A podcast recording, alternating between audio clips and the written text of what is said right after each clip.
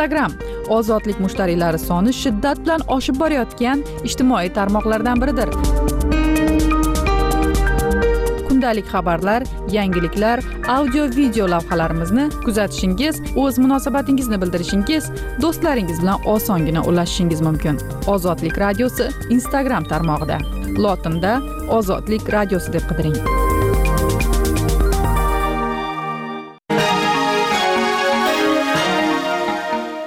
ozodlik videolarini audio formatda tinglang.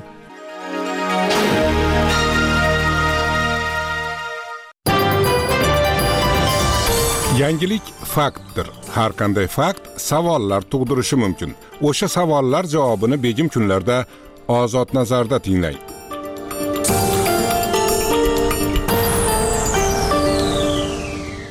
Ozod nazar men sarvar usmon. Ko'rsatuvning kechagi sonida xalq deputatlari chirchiq shahar kengashi deputati jahongir to'laganov bilan suhbatlashdim. Suhbatning birinchi qismi har doimgiday kun voqealari muhokamasiga. Ikkinchi qismi esa suhbatdoshimning o'zi bilan bog'liq voqealar muhokamasiga bag'ishlandi. Bugungi suhbat ham shaklan ozod nazar biroq mazmunan shaxsiy nazar. Suhbatdoshimning shaxsiy oilaviy hayotida kechayotgan jarayonlar to'g'risida bo'ladi. Suhbatdoshim esa rasmiy qayddan o'tkazish rad etilgan haqiqat taraqqiyot va birdamlik demokratik partiyasi yetakchisi professor xidirnazar allaqulov assalomu alaykum. Va alaykum assalom xush ko'rdik domla. Yakuniga yetgan haftada tarixchi anvar nazir bilan o'tkazganim suhbat davomida siz tarmoqda kuni kecha e'lon qilgan videodan bir uzunni ko'rsatdim. Videoda mib xodimlari soliqdan qarzingizni qoplash maqsadida mulkingizni olib ketish uchun uyingizga kelgani mulkni olib ketish jarayoni aks etgan. Voqea qaysi kuni bo'ldi domla? Man surxondaryodan tong sahar suddan qaytib keldim. Oradan ikki uch soat o'tib mib kelib turdi. Yigirma o'sha bundan ikki uch kun oldin edi o'sha video e'lon qilingan kuni. Ho'p o'sha videoning oxiridan bir parcha ko'ramiz.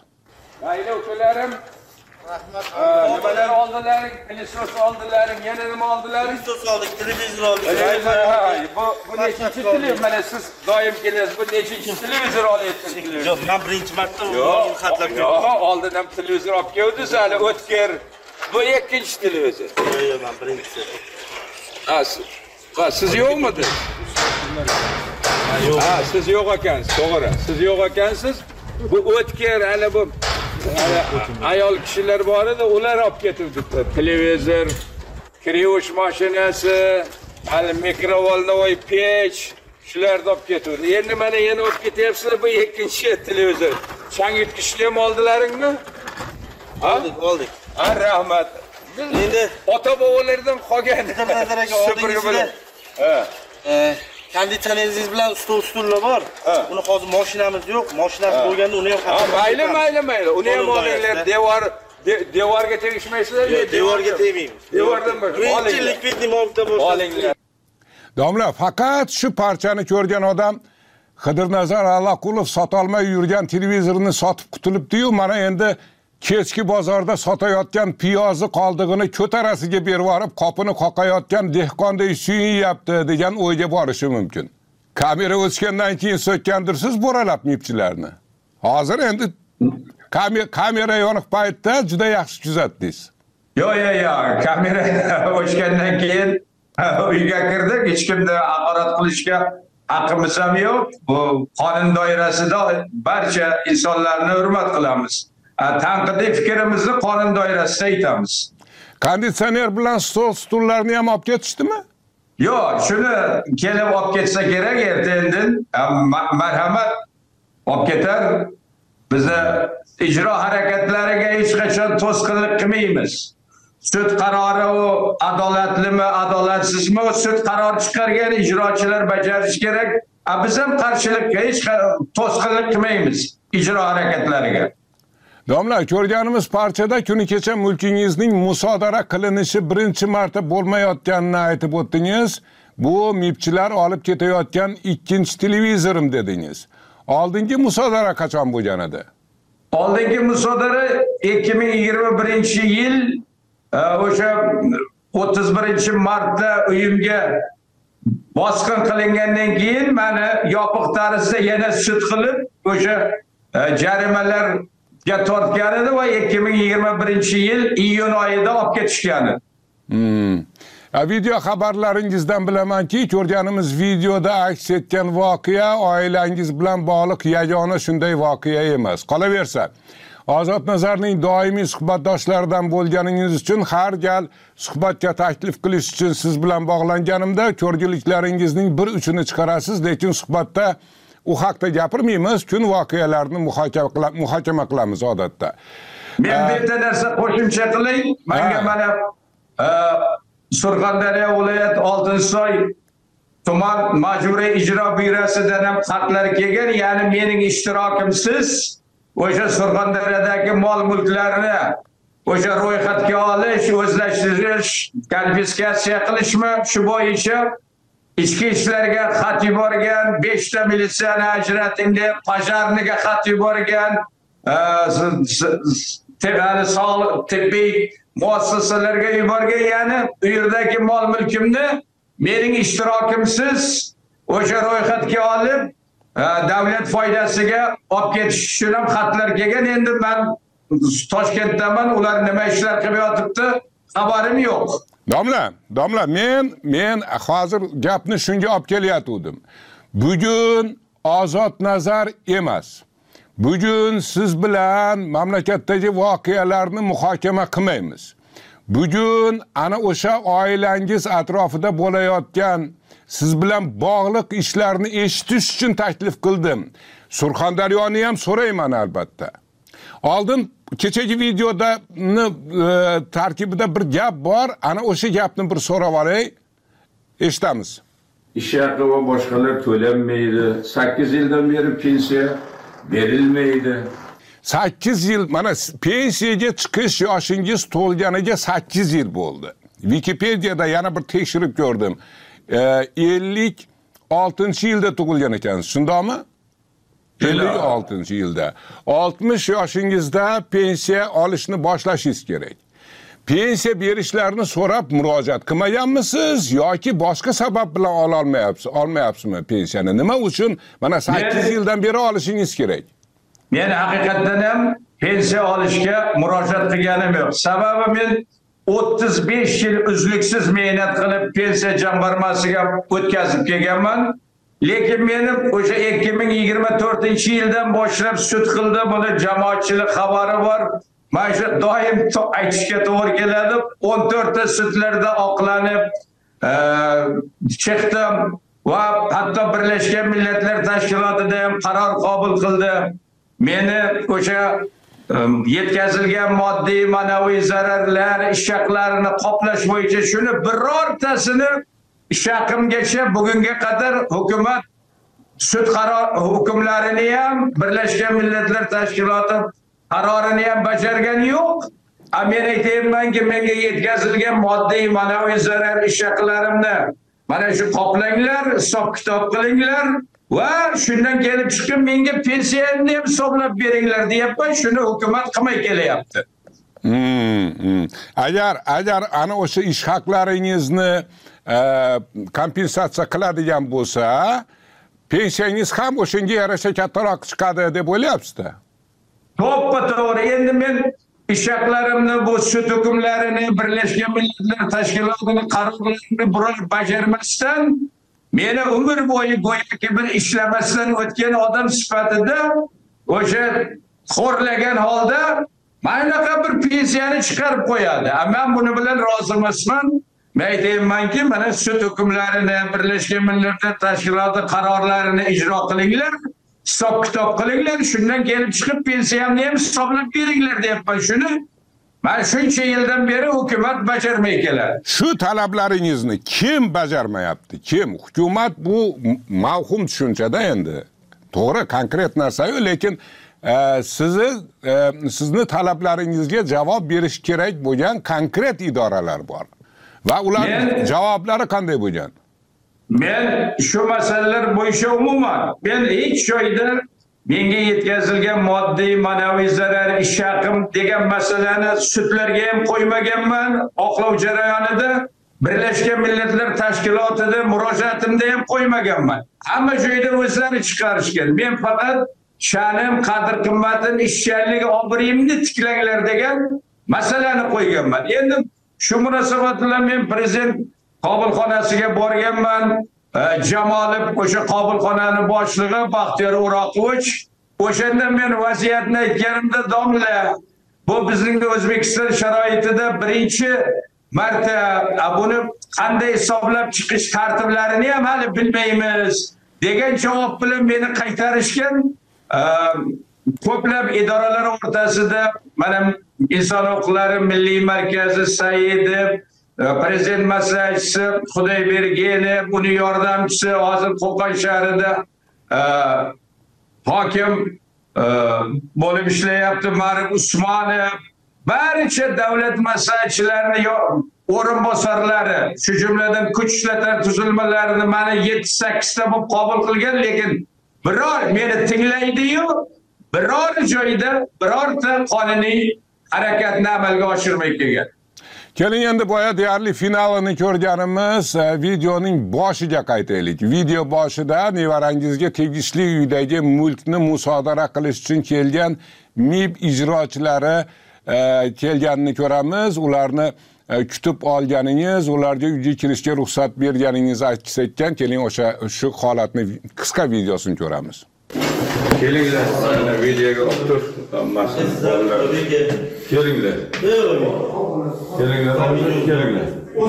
Mana yaqindan, yaqindan.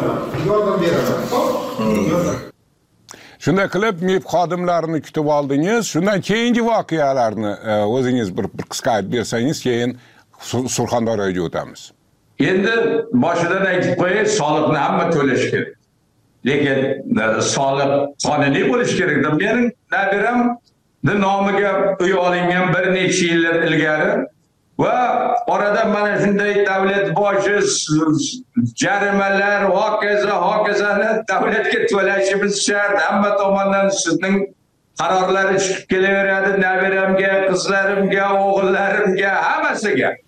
Endi buni to'lashimiz shart. Nima qilamiz? Lekin bizning daromad manbaimizni barcha tomondan mana yuqorida gaplashdik hamma tomondan qonuniy haqlarimizni biror joyda berishmaydi. Endi shunday sharoitda e, nabiramni nomidagi shu uy sotilgan. Endi olingan vaqti bilan sotilgan vaqtidagi o'rtasidagi mablag' farq qilgani uchun e, 72 million so'm soliq chiqarishga. Agar nabiramni uyi ikkita bo'lsa ham mayli bitta. Agar bu biror bir hali ko'chmas mulkni sotish bilan bog'liq bir firmaga ishlasa yoki ochsa ham mayli nomiga bitta uy o'sha davlat oldida chiqarayotgan davlat boji e, jarimalar boshqalarni to'lash mana bu o'zbekiston bo'ylab bir kun uyda bo'lsak o'n kun sudlarda bo'lamiz. Mana shunday xarajatlarni qoplash uchun e, davlat oldida to'lash uchun to'lamasang qo'ymaydi. Mana shu uy sotilgan. Endi olingan vaqti bilan sotilgan vaqtdagi o'rtasidagi farq. Mana bunaqa inflyatsiya boshqalarni hisobga olmasdan mana bunday daromad solig'i chiqargan. Men mibchilarga soliqchilarga e'tirozim yo'q. Men aytyapmanki bu qonun Qonun- qonun qonuniy solinganmi? O'sha soliq yoki g'ayri qonuniy solinganmi? Yo endi davlatni o'rnatib qo'ygan qonuni bo'yicha man endi batafsil ichiga kirganim yo'q. Qonun bo'yicha to'g'ri. Lekin mening e'tirozim shuki qonunning o'zi bema'ni deyapman. Uning bitta uyi bo'lsa va boshqa hech narsasi bo'lmasa shuni vaqtida olgan endi sizlar jarima solyapsizlar mana nabiramni mana urdilaring ishsiz qildilaring sudlarlaring jarimaga tortdilaring hamma bolalarimizni. A endi jarimaga solib ularni to'lamasak har kuni bostirib kelyapsizlar. Endi shunday sharoitda mayli uylarda siqilib yasharmiz shu uyni sotib shu davlatni bizga yuklayotgan majburiyatlari jarimalari davlat bojlarini to'laylik deb sotgan a bu yerda nima qayerdan bu daromad topmayaptiki? Bitta bitta uyini sotishga majbur bo'lsada davlat uni ham soliq orqali yetmish ikki millionni olib qo'ysin. Endi bu chegararoq masala ekan. Domla bilan hozir domla ham manfaatdor tomonsiz. Ikkinchi manfaatdor tomon davlat va balki mana shu sizni voqeangizni balki boshqa bir e, ko'rsatuvda biror bir yurist bilan e, o'rganarmiz chuqurroq o'rganarmiz. E, va demak sizni aytishingiz bo'yicha go'yoki ana o'sha qonun doirasida lekin qonunni o'zi huquqqa huquqqa inson huquqlariga mutanosib kelmayapti degan gapni aytmoqchisiz shundaymi? To'ppa to'g'ri. Agar bu ikkita uyi bo'lib bittasini sotsa ham mayli edi. Bu bitta uyi bor. Lekin bu uyni sotishga majburki davlat yuklayotgan o'sha sudlar adolatsiz sudlar chiqarayotgan jarimalar davlat bojlari va boshqa boshqalar uchun shuni to'lamasa bizga kun bermaydi. Uyimizga bostirib kelaveradi ana shu maqsadda sotildi. O'sha sotilgan mablag'ning hammasi davlatga borib tushgan banklarga borib tushgan. A endi buni daromad topayapsan deb soliqqa tortish bo'yicha shunday qonun bo'lsa men shu qonunni bema'ni qonun deyapman. Endi qarang mana mibchilar kelib televizorgacha olib ketyapti endi. Chang yutkich anavi e, e mikrovolnovый pech boshqa narsalar endi. Stol stul yana olib ketish kutilyapti. E, Boyagi nimadan e, izohingizdan tushunishimcha mibchilar majbur keldimi endi? Siz pul pul ko'rinishida to'lamayman ana o'sha soliqni deganmisiz oldin? Ha mibchilar o'sha ijro harakatlarini to'g'ri bajarayapti. Chunki ular sud chiqargan qarorni bajarishga majbur idora shuning uchun men mibchilarga soliq bo'yicha biror bir e'tiroz bildirayotganim yo'q. Lekin davlatni mana shu siyosiy faoliyatim faoliyatimiz tufayli farzandlarimni siyosiy faoliyati tufayli davlat to'g'ridan to'g'ri bizga mana siyosiy faoliyatimizga bir e, e, qonunni qo'llayol- qo'llamas qo'llayolmaydi ham qo'llayolishga iloji yo'qligi uchun bizni har tomonlama o'sha boshqa boshqa bevosita yo'llar orqali siqish moliya va iqtisodiy toliqtirish bir so'z bilan aytganda tiz cho'ktirish bizni chekintirish. Maqsadi shu. Shuning uchun biz bitta oilamiz. Lekin bizga qarshi ishlayotgan hukumatning barcha organlari prezident administratsiyasidan tortib uning eng mahallasigacha uning organlarini soni bilmaymizmi? o'n mingta mingmi ellik mingmi A ular har kuni idorasiga ishga keladi buning uchun oylik oladi va bizga qarshi mana shu barcha noinsoniy g'ayriqonuniy xatti harakatlarini o'ylashadi va bizga qo'llab kelishyapti Xo'p, domla, suhbatimiz boshlanishi arafasidagi o'zaro muloqotimiz chog'ida bugun Surxondaryoga ketishingiz kerakligini aytdingiz. U yerda ham oilangizga tegishli mulk bilan bog'liq mahalliy hokimlik bilan tortishuvingiz borligidan xabarim bor. Boyaroq suhbat boshlayotganda aytdingizki, hozirgina ko'rganimiz video da aks etgan voqealar o'sha kuni e, siz Surxondaryodan kelgandan keyin kelgan kuni e, e, bo'lganini aytdingiz. Demak bir haftani ichida yana surxondaryoga qaytishingizga to'g'ri kelyapti. Marhamat surxondaryodagi ishlaringiz nima u? Qani qanday tortishuv u? Surxondaryoda bir ming to'qqiz yuz to'qson to'rtinchi yil yigirma sakkizinchi may kuni birinchi auksion bo'lib o'tgan. Shunda rahmatli ukam bilan ikkalamiz o'sha yerda auksiondan nomi hammom degan bir mulkni yutib sotib olganmiz. Va auksion bizga o'sha auksiondan boshlab shartnomadan boshlab barcha hujjatlarni davlat orderini hokim qarorlar chiqargan bergan. Endi bular nima deb hozir qo'yyapti? Gap o'rtasiga aytib ketay o'sha surxondaryodagi mulkimiz partiyamizning ofisi hisoblanadi. Ya'ni toshkentdan biz uch marta ofis oldik ahvolni ko'rdi jamoatchilik. Oxirida men o'sha surxondaryodagi xususiy mulkimni ofis qilib qo'ydim. Gap shundaki partiyaning o'sha siyosiy partiyalar to'g'risidagi qonunni talabi bo'yicha partiyaning ofisi bo'lishi kerak. Mamlakatdan bunaqa ofis chiqmagandan keyin men o'shani qo'yuvdim. Shundan beri hujum qilishadi. Endi nima deyapti? Hozir mana shu barcha idoralar mana toshkentdan tortib e, o'sha kadastr palatasi agentligi oltinsoy tuman hokimligi e, surxondaryo viloyat qurilish inspeksiyasi qurilish boshqarmasi xullas tuman darajasidagi shu idoralar hammasi mani mulkim bo'yicha uchta sudga berishdi. Keling domla domla domla domla domla domla tomoshabin tushunishi uchun tomoshabin tushunishi uchun qanday mulk ha- haqida ketyapti gap? U qachongi mulk? Qanday mulk? Oldin shuni ayting. Bu mening surxondaryo viloyati oltinsoy tumani markazida joylashgan xususiy mulkim. Xususiy mulk bir ming to'qqiz yuz to'qson to'rtinchi yil yigirma sakkizinchi may kuni termiz shahrida bo'lib o'tgan birinchi auksionda sotib olingan va auksion barcha kunidan boshlab bizga barcha hujjatlarni taqdim etgan endi bugun nima u? O'sha mulk. to'xtang domla. Oltinsoy tuman hokimi to'xtang. Nima mulk u? Yermi binomi zavodmi fabrikami? Nima u? Xususiy mulk binolardan iborat.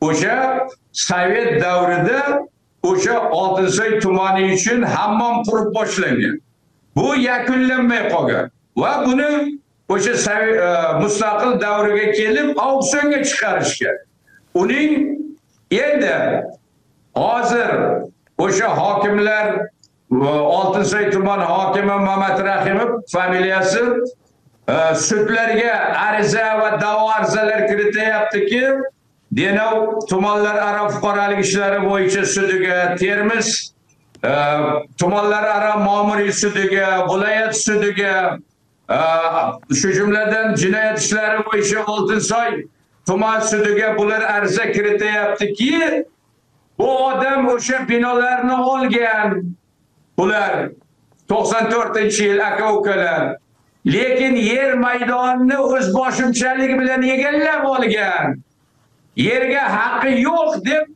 mana shunday arza da'vo arzalar kirityapti. Endi birinchidan binolar muallaq osmonda qurilmaydiki hamma mutaxassislar biladiki qurilish boshlanishidan oldin birinchi navbatda yer ajratiladi atvot zeml deydi. Ana endi bular nima qilgan? O'sha yer ajratish haqidagi mana meni qo'limda e, qarorlarni hammasini yashirib go'yoki yo'q deb o'sha yerga huquqiy asos bo'luvchi qarorlar yo'q deyapti.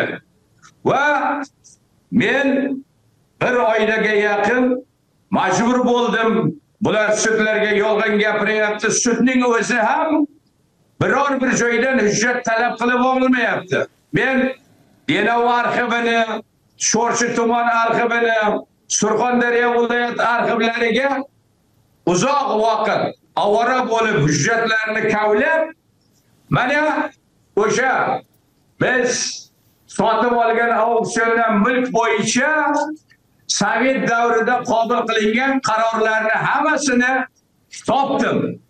2024 yil 19 fevral kuni. Bak bu yerga qarangki Qarliq qishloq soveti qaror qabul qilingan. O'sha sovet davri bo'lganligi uchun ulug'bek nomidagi davlat xo'jaligi sovxozning tex komissiyasi qaror qabul qilingan yer haqida. Undan keyin xalq deputatlari oltinsoy tuman ijroiy komiteti rais bo'lkomi qaror qabul qilingan. Undan keyin xalq deputatlari surxondaryo oblast soveti ijroiy komiteti qaror qabul qilingan. Undan keyin mana o'zbekiston sovet sotsialistik jumuriyati prezidenti huzuridagi vazirlar mahkamasi qaror qabul qilib shu hammom binosini qurish uchun 30 sotix yer ajratish va ajratilganligi haqida qaror qabul qilgan. Bu yerda o'sha davrda sovet davrida bu ekan xulosalar qilgan surxondaryo viloyat agro sanoat uyushmalarigacha xulosa qilingan. Mana shu hujjatlarni bu da'vo arza kiritgan arzalar kiritgan oltinsoy tuman hokimligi bu yerdan e, davlat mana bu kadastr palatasi agentligi va hammasi mana shuni yashirib kelgan. Ana endi va yer ajratish to'g'risida qaror yo'q. Bu odam binoni olgan yerga haqqi yo'q deb sudlarga mana ariza va da'vo arizalar kiritib uchta joyda ham sudlar hokimning da'vo arizasini qanoatlantirdi arizalarini tushundim qanoatlantirdi. Tushundim domla hozir qaysi bosqichda? hozir qanday bosqichda? bugungi kunda meni mulkdan mahrum qildi va men bular mahrum qilib bo'lgandan keyin barcha o'sha ko'plab tumanlar viloyatlar arxivlarini kavlab barcha hujjatlarni topdim. Ana endi meni er- ertadan keyingi surxondaryo viloyat ma'muriy ishlari bo'yicha e, sudini taftish bosqichiga chaqirib turibdi sudga. Mana endi shu hujjatlarni men endi endi taqdim qilaman. Bular yashirib bekitib kelayotgan hujjatlarni tushundim. Tushundim. Keling endi demak bu ish eh, perspektivasi sizni foydangizga hal bo'lishi ehtimoli bor ekanda. Endi mana hozir hujjatlarni topibsiz balki ha- hal bo'lib qolar. Yo'q endi bilasizmi bu albatta qonun bo'yicha aslida arza da'vo arza kiritishga hech kimni haqqi yo'q mulkdorlar huquqlarini kafolatlari to'g'risidagi qonunning yigirma to'rtinchi moddasida shunday deb qo'yibdi.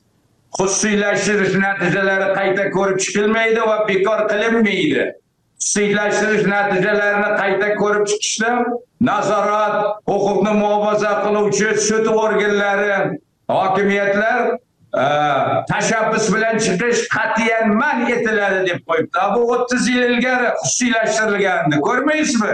Shunga qaramasdan baribir bular o'sha ariza da'vo arizalar arza boshqa da'vo arza boshqa. Shuning uchun qaytaryapman. Manday hamma joyga kiritib bugungi kunda mani mulkimdan sudning qarorlari bilan uzil kesil mahrum qilib turibdi.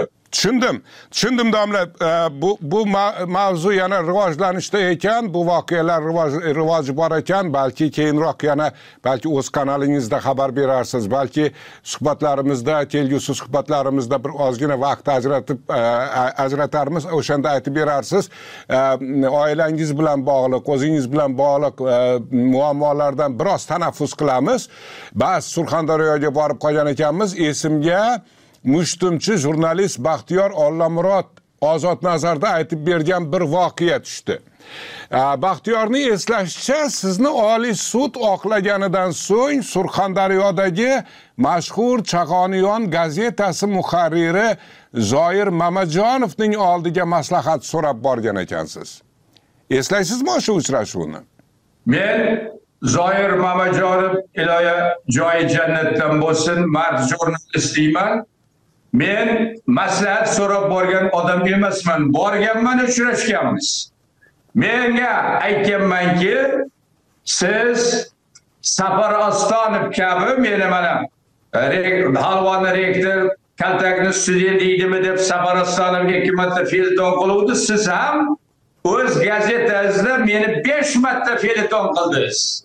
Mana sudlarning hukmlari keling munosabatimizni hurmatimizni saqlab qolaylik. Siz raddiya o'rniga mana shu yozilgan e, maqolani e'lon qilasiz. Shuni bilan oramiz ochiq deganman. Agar siz shuni e'lon baxtiyor orqali aytganman ham agar e'lon qilmasa man uni sud orqali e'lon qildiraman va yaxshi bo'lmaydi deganman. Va rahmatli zoir mamajonov mard ketib otasiga rahmat joyi jannatdan bo'lsin. Hech ikkilanmasdan biz yozgan maqolani chop qildi va boshiga juda ko'p tashvishlar tushdi. Gazetani yopib tashladi e, sharq nashriyotidan chiqardi qashqadaryodan ham chiqarishga yo'l bermadi. Keyin biz uchrashganda aytib berdi dxkga chaqirdi uni so'roq qildi va talab qo'ydiki ikkinchi domla qidirnazar alloqulov haqida hech narsa yozmaysiz degan topshiriqlarni berdi zoir mamajonov o'sha maqola orqali nihoyatda ko'p jabr chekdi lekin unga qadar mana mening uyimda turibdi. O'sha gazetada meni 5 marta telefon qilib aytsang tiling aytmasang diling og'riydi degan sarlavolar bilan bunaqa meni prokuraturani ayblov xulosalarini ko'chirib manday elda meni o'sha vaqtda jinoyatchi sifatida ko'rsatilgan edi. Lekin keyinchalik man 14 sudda oqlanganimdan keyin mard ketib hech ikkilanmasdan mening haqimdagi o'sha maqolani chop etdi. Undan keyin safar bilan ikkalasini o'rtasida gazetalar orqali tortishuv bo'lib ko'plab bir biriga feletonlar yozdi. Mana shunday bo'lgan baxtiyor allamurotov shu e, maqolani muallifi va bu haqda o'sha gaplari asosan to'g'ri. E, baxtiyor bilan e, e, ozod nazarda suhbatdan keyin alohida o'zaro suhbat paytida bir gapni aytdida baxtiyor. Endi o'shanda zoir mamajonov siz bilan sizga bir maslahat bergan ekan. Vazir bilan murosa qiling. Murosaki o'zbekcha murosa. Endi Э, tomoshabin tushunadi o'zbekcha murosa qanaqa bo'lishini. Э, degan ekan va o'shanda ishlaringiz yurishib ketadi. Biron joyga e, biron bir universitetga rektor etib tayinlanasiz va shu bilan e, problemalaringiz barham topadi degan ekan siz boshqacha qaror qabul qilgan ekansiz. Shunday gap bo'lganmi? Yo'q endi man yodimda yo'q. U vaqtda vazir rustam qosimov edi keyin e, shavkat mirziyoyev bosh vazir o'rinbosari bo'ldi. Keyin e, shavkat mirziyoyev prezident etib saylangandan keyin uning eng yaqin e, o'sha prezident maslahatchisi bo'ldi. Endi menga nisbatan qo'zg'atilgan jinoyat ishi harakatlarida rustam qosimovni menga e, ko'plab hujjatlari bor imzo bilan olgan. Har holda yumshoqroq qilib aytganda mani qo'llagan yo'q hech bir joyda. Qo'llagani yo'q. Man elementar narsalarda murojaat qilganimda ham yozma turibdi. Doim teskarisini qilgan. Man u odam bilan uzoq ishlaganman. U oliy va o'rta maxsus ta'lim vazirining o'rinbosari bo'lgan. Endi buni chuqurlashtiraversak gap ko'payib ketadi. Fakt shuki o'sha meni sha'nim qadr qimmatim ishchanlik obro'yimni tiklash bo'yicha oqlov hukmi chiqargan jinoyat ishlari bo'yicha qashqadaryo viloyat dehqonobod tuman sudi aynan rustam qosimov nomiga ham o'sha vazirlar ham vazir ham bosh vazir shavkat mirziyoyevni o'rinbosari edi. Bosh aynan o'ziga xat yuborgan mana ikki ming oltinchi yil mana turibdi menda. Lekin u xatlarga ham mutlaqo javob bermagan xatda aytilganki man bunga tuhmat qilishgan mana gazetalarda o'zbekiston ovozi gazetasida chag'aniyonda va hurriyatda boshqa gazetalarda. Shunga asosan bosh prokuratura jinoiy ish qo'zg'atilgan odamlar tuhmat qilgan lekin bu odam mana oqlandi oqlov kuchga kirdi. Barcha sud instansiyalariga bergan prokuraturaning beshta protestlari ham rad etildi. Endi bu odamni sha'ni qadr qimmati va ishchanlik obro'yini jinoyat protsessual kodeksining uch yuz to'rtinchi va uch yuz o'n uchinchi moddalari tartibida hammasini tiklash kerak deb yozdi rustam qosimov.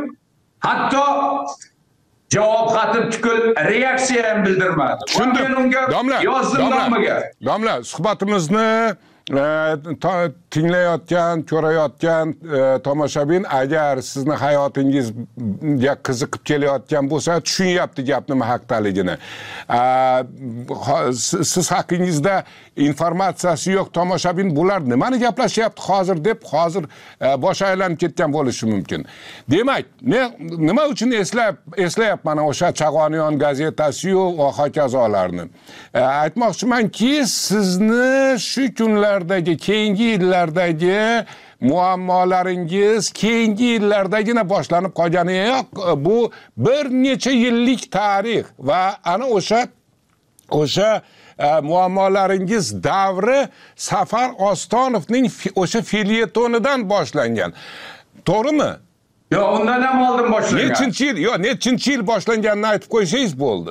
2004 yil o'sha vaqtda bosh vazirning birinchi o'rinbosari bo'lgan Rustam Azimovni o'sha menga nisbatan chora ko'rib huquqni muhofaza qiluvchi organlarga oshirish to'g'risidagi yozma meni uyimda turibdi ko'rsatmasidan keyin Alisher Aziz Xo'jayev blogidagilarni ko'rsatmasidan keyin hozirgi Markaziy bank raisi bo'lib turgan Mamaro'zon Nurmurodov u vaqtda moliya vaziri edi uni ham ko'rgazmasi bor. Viloyat moliya boshqarmasiga qayoqqa qarab turuvding bu Alloh qilib shuncha ishlarni qilguncha deb xullas mudofaa vaziridan boshqa hammasini menga qarshi o'sha yozma nusxati yoki boshqa ko'rsatmalari hammasiniki bor. Lekin oxir oqibat Demak 2000 2024 2004 yil bu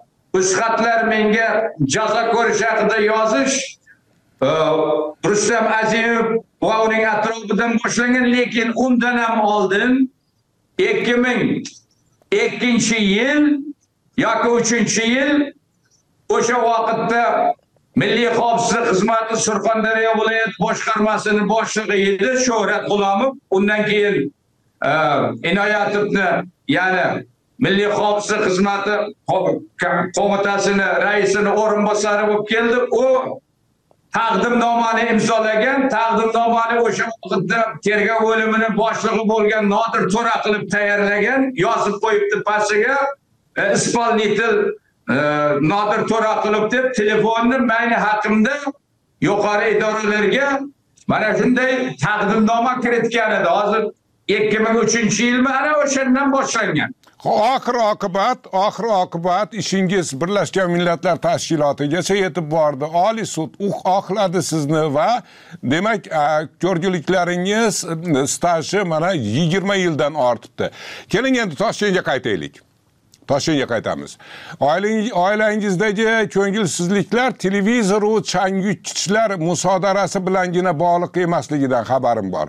O'g'lingizning ham javobgarlikka tortilgani quloqimga chalingan E, ma'muriy javobgarlikmidi u jinoiy javobgarlikmidi to'g'risi bir aniq aniq bilmayman nima bo'lyapti uning ishi o'g'lingizni ishi? Albatta xabari bor o'g'limni mana siz bilan suhbatlashib turgan mana shu kvartiradan uyni ichidan e, o'sha qo'liga kishan solib olib ketishgan. O'g'lim ma'muriy javobgarlik to'g'risidagi kodeksning bir yuz to'qson to'qqizinchi moddasini buzgan. Lekin va bu o'sha yolg'on xabar berib chaqirgan uyga. Chunki joniga tegib ketdi bu to'rt besh yildan beri uni o'sha taqib qilaverib urib burun qovoqlarini sindiraverib qornini yorib tashlayverib biron marta e, murojaatiga biror joydan javob bermadi. Oxiri e kel odam o'ldirdim deb chaqirdi. Hech kimga endi biror bir jinoyat sodir bo'lgani yo'q uyni ichidan chiqqani yo'q. U o'sha ana endi qo'liga mana videolarni jamoatchilik ko'rdi qo'liga e, kishan kiydirib yalangoyoq tushda olib chiqib o'sha kech kuzda mashinaga o'tirg'izib bir o'n besh yigirmata militsioner va fuqarolik kiyimidagilar olib ketdi. Ana endi unga hozir tuhmat qilishib bular nima deyapti? Ikkita militsionerni urib tan jarohati yetkazgan deb e, nomardlar. Uyni ichida qo'liga kishan solib yalang'och olib ketdi. Qayerdan sanlarni uralaydi sanlarni o'n besh yigirma ana endi buni nima qilyapti? O'sha militsionerga urib ikkitasiga tan jarohati yetkazgan deb ichki yunusobod tumani ichki ishlar e, boshqarmasi tergov bo'limi yuritayotgan ishni yunusobod tuman prokuraturasi olib mana shunday e, moddalarni qo'yib ikkita militsionerni urgan va 200 jinoyat kodeksining 237 moddasini ham qo'yyaptiki ya'ni 237 moddada jinoyat sodir bo'lgan bo'lsa jinoyat haqida yolg'on xabar bergan bo'lsa yoki yashirgan bo'lsa bu modda qo'llaniladi. Lekin ay, sodir etilmagan jinoyat bo'yicha ham 237 moddani qo'yyapti va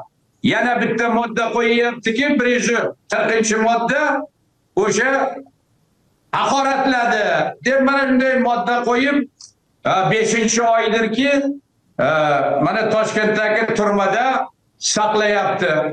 Sudga endi sud- sudga olib chiqadi ishini. sud sud bo'ladi endi xo'p tushundim domla oilangizdagi ko'ngilsizliklarni sizning tarafdorlaringiz siyosiy faoliyatingiz bilan bog'laydi yoki ko'rgiliklaringiz har qanday o'zbekistonlikning hayotida bo'lishi mumkin bo'lgan turmush tashvishlarimi Yo'q, bu albatta mamlakatimiz aholisining hayoti nihoyatda og'ir ayanchli zulm zo'ravonlikda kelyapti. O'zbekiston bu katta bir turmaga aylandi. Mana qanchasini ichki ishlarda urib o'ltirayapti, qanchasini mol mulkini tortib olyapti, so'roqsiz, asossiz buzib tashlayapti. Ya'ni O'zbekiston xalqining hayoti mayli turmalarda yopiq kameralarda bo'ladi, bu yerda osmon ko'rinib turibdi, O'zbekiston katta bir turma bo'lib qoldi. Endi lekin mening oilam atrofidagi mening nabiralarim, qizlarim, farzandlarimga qilinayotgan ishning tagida.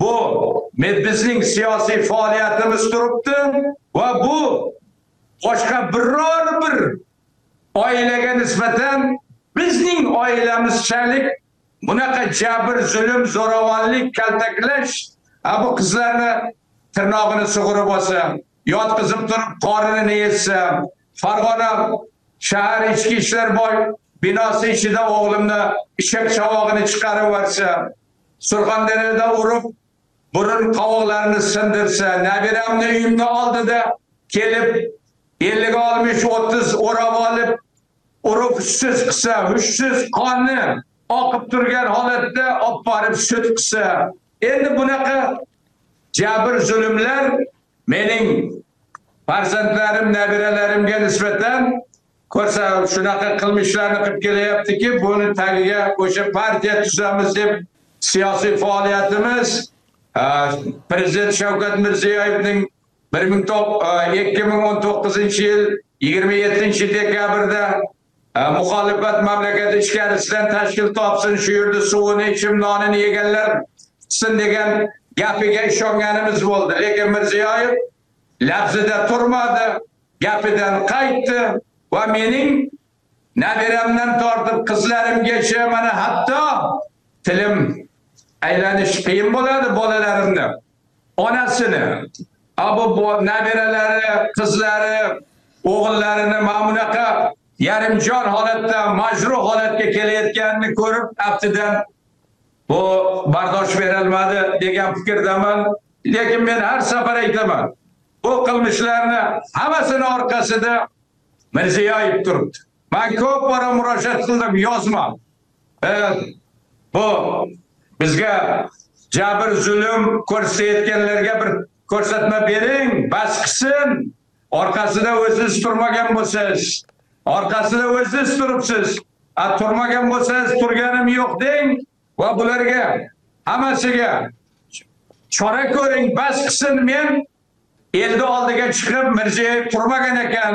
Shavkat Mirziyoyevdan men kechirim so'rayman deb kamida bir 10-15 marta aytdim, 6-7 marta yozma kiritdik.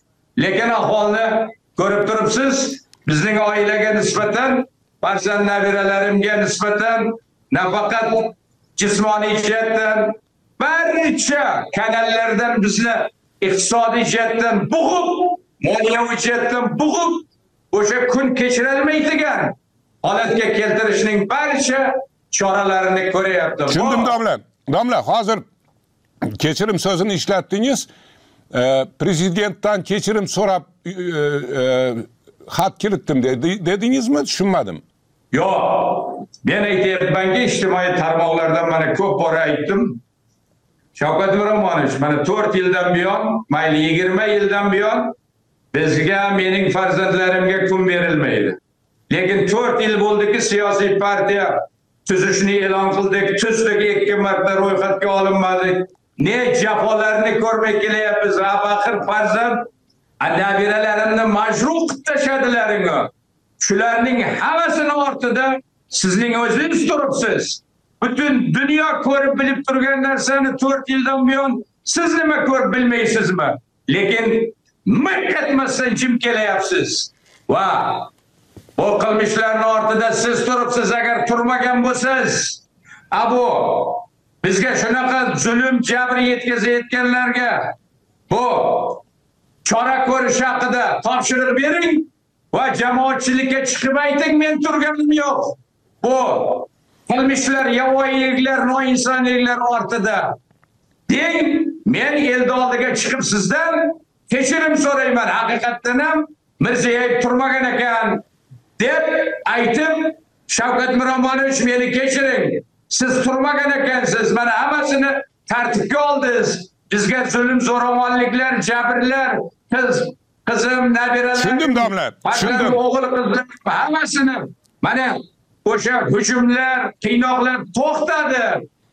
Shuni demoqchi fikrda aytyapman. tushundim navbatdagi savolim bugungi suhbatimizga turtki bo'lgan videoingizga kelgan sharhlardan biri muallifiniki aslida savol ham emas tavsiya youtubedagi kanalingizga qo'yganingiz ana o'sha so'nggi video boya parchasini ko'rganimiz so'nggi video ostida sharh qoldirganlarning mutlaq ko'pchiligi sizga hurmatini izhor qilgan e'tiborimni bir uzunroq sharh e, o'ziga tortdi muallifining ismi familiyasi ko'rsatilmagan o'sha kattagina sharhdan bir parchasini o'qiymiz Kim uchun shuncha aziyat chekyapsiz?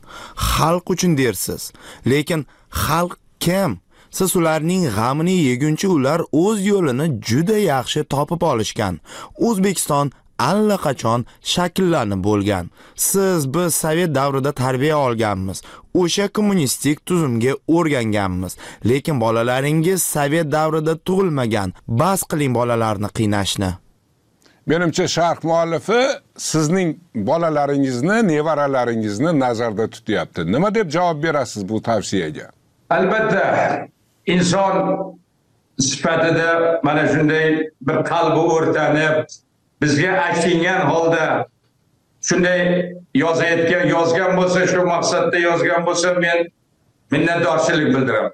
Lekin men hamma vaqt bolalarimga o'zimga aytamanki, bizga bandalarini emas, Xudoning rahmi kelsin va Xudo mehribonlik qilsin deyman. Endi albatta sharq yozuvchilarini biz o'sha ezgulik, bizga yaxshilikni tilab yozayotganlarni hammasiga men minnatdorchilik bildiraman. Lekin sharh yozayotganlarni ichida mutlaq boshqa boshqa maqsadlarda ham yozuvchilar bo'ladi. Masalan, mening o'zim ham o'qib turaman. Domlalar sizga, sizning farzandlaringizga, oilangizga bular kun bermaydi. Tezroq chiqib keting bu mamlakatdan, Amerikaga keting, Yevropaga keting deydi. Men birinchidan aytganman. Men o'lsam shu O'zbekistonda o'laman.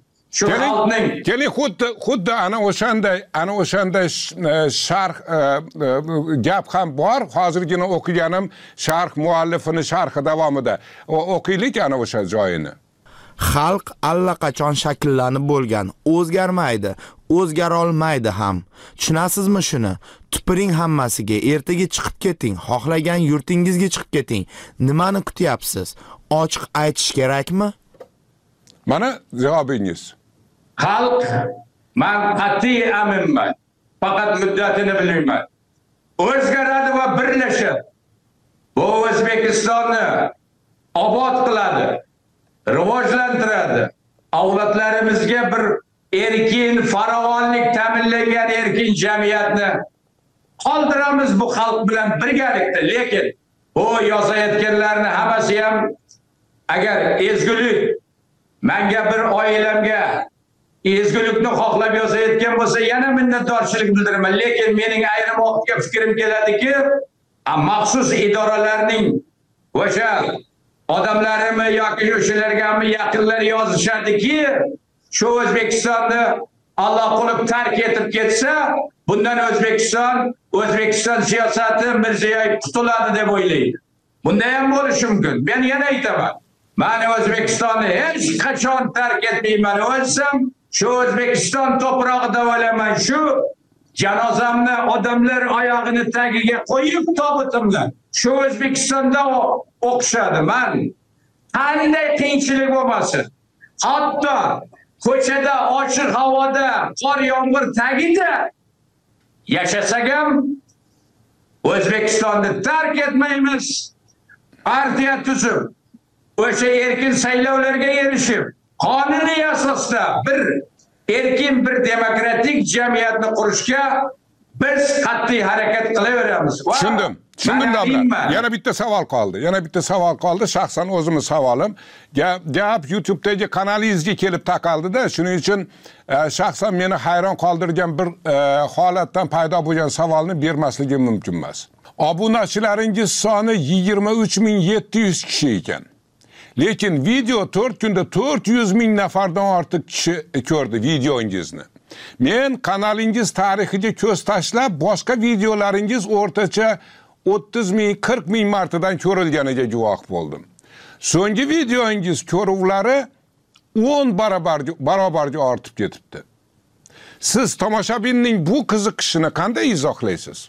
Demak tomoshabin o'zbekistonni o'zgarishini o'zbekistonda bir adolat bo'lishini o'zbek xalqi ham bir erkin yashashini bolalarimiz bir erkin rivojlanishini xorijda mardikor bo'lib mehnat muhojiri bo'lib yurganlar oilasiga qaytishini mana bu ichki ishlar organlarida boshqa joylarda bolalarimizni mayiti chiqmasligini iqtisodiy sohada bir erkin iqtisodiy faoliyat ko'rsatish uchun shart sharoit bo'lishini va hokazo xohlayapti. Bir so'z bilan aytganda xalqimiz mamlakatimizda adolat qaror topishini va qaror adolat qaror topgan mamlakatda bir erkin emin faoliyat qilib yashashini xohlayapti. Odamlar endi shunday ekan siz meni bu, e, obunachilari bilan bog'liq aytdingiz. Albatta meni kanalimni e, 2023 yilni may oyida bular taktugi bilan yo'qotib tashavdi u vaqtda obunachilar bir yuz ming atrofida edi. Bu yana qaytadan yangi tashkil bo'ldi o'sha iyun oyidami shuning uchun e, ilgarigi bu shikoyat qilib youtubedan kanalimni butunlay o'chirib tashlaguncha u obunachilar ko'p edi. Endi yana bir so'z bilan xalqimiz, xalqimiz barcha insonlar bir odamday yashashni xohlayapti erkin farovon bir adolat qaror topgan sudga borsang qonunlar asosida xolis qarorlar hukmlar chiqadigan bu tuhmatlardan odamlar jarimalardan asossiz har xil to'lovlardan charchadi odamlarni bugun olayotgan ayniqsa 4 million nafaqaxo'rlarni olayotgan pensiyasi bu.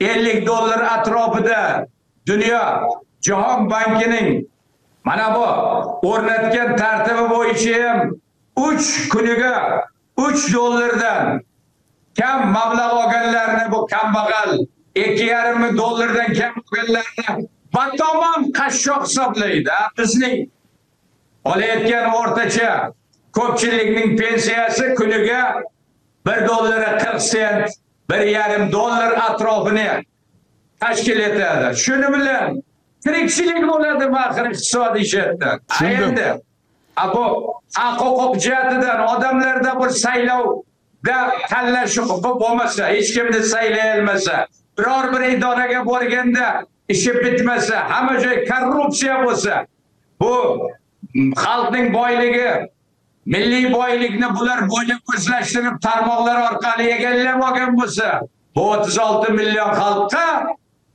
na huquq bor na bir erkinlik bor na bir moddiy jihatdan elementar shart sharoitlar yo'q. Ana o'shaning uchun ham xalq ko'proq obunachilar o'n yigirma barobar obunachilarga qaraganda ko'ruvchilar soni shuning uchun ham ko'proq va xalqimiz nihoyat domla adolatga tashna nihoyat so'nggi savol so'nggi savol mana bugun oilaviy e, problemalaringiz haqida gaplashdik E, partiya ishi to'xtab qoldimi nima bo'lyapti Yo'q, partiya ishi to'xtamaydi. Mana partiyaning faollari Surxondaryoda manmi, Termizda manmi, Denovda manmi telefon qiladi. Domla, qachon qaytasiz, qachon qaytasiz? Bu mamlakatdagi ichki holatlarni bir tahlil qilib, bir 20-30 kishi bir yig'ilib chiqishlarimizni qilolmayapmiz. Siz bo'lmayapsiz, deyapti. Men Mana shu so'nggi bor mana 8 kun Surxondaryoda bo'ldim, Termizga, Denovda, Oltinsoyda umrim yo'lda o'tdi. Telefon qilib aytdimki, haftaning ikkinchi yarmiga boraman. Mayli, to'planib 20-30 kishi bo'lamizmi? Va suhbatlashamiz jamiyat mamlakatimiz ichkarisidagi ijtimoiy, siyosiy, iqtisodiy ahvolni vaziyatni mayli tahlil qilib xalqqa aytamiz o'sha partiya tuzishni jadallashtiramiz uchinchi marta devdim yo'q mana uyga kirganimdan oradan uch soat o'tmay mib keldi. Mibni ketkazganimdan keyin xat kelib turibdi surxondaryodan sudga kelasiz deb mana shunday munosabat bilan biz to'planib shu partiyani man o'sha aytganman siyosiy maydonga chiqdikmi? Xalqimizning taqdiri uchun kelajak avlodlarimizning taqdiri deb chiqdikmi? Shu xalqimiz avlodlarimizni taqdiri bizni birlashtirdimi? Oxirgi damimizgacha boramiz deb. Domla katta rahmat aziz tomoshabin. Bugun mana ozod nazar odatdan tashqari ozod nazar bo'ldi. Kun voqealarini muhokama qilganimiz yo'q. Suhbatimiz professor Qidirnazar alaqulovning o'zi va oilasi atrofidagi tashvishlar muhokamasiga bag'ishlandi domla sizga katta rahmat. Suhbatni men sarvar usmon olib bordim. Ko'rishguncha. O'zbekistondagi asl voqelikka oid so'nggi xabarlar. Eksklyuziv yangiliklarni senzurasiz. Hech qanday to'siqlarsiz. O'qisa ko'rsa tinglasa bo'ladigan mobil ilovangiz bormi? Ozodlikda shunday ilova bor. App store va google playda. Ozodlik radiosi deb qidiring va hoziroq yuklab oling. Otam o'zbek onam Э, ham qirg'iz ham qozoq oilalari farzandi. Balkim shungadir ko'p millatli oila vakili bo'lganim uchun ham o'zbek tilida ham qirg'iz tilida ijod qilaman. Э, ijodimda va tarjimonligimda aynan shu narsaning katta ta'siri bor. Ismim muhammad amin hojiakbarov ikki yil farzandiman.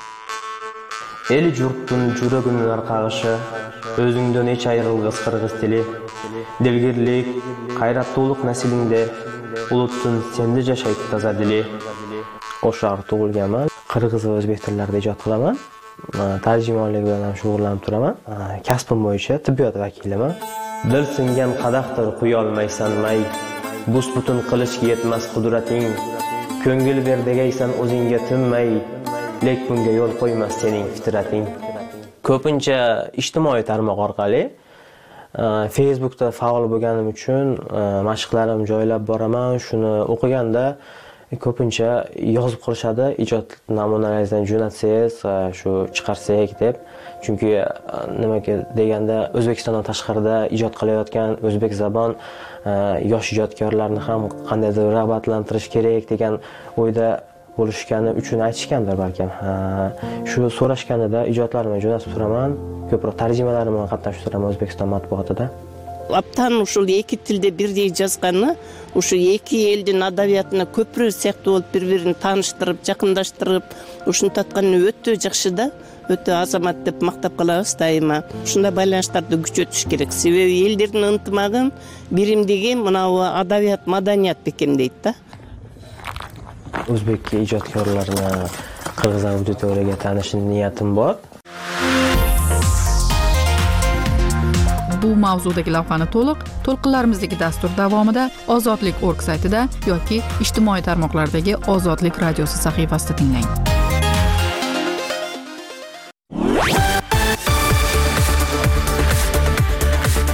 Ozodlik to'lqinlaridasiz. Yangiliklarni biz bilan birga kuzatishda davom eting. Xayrli kun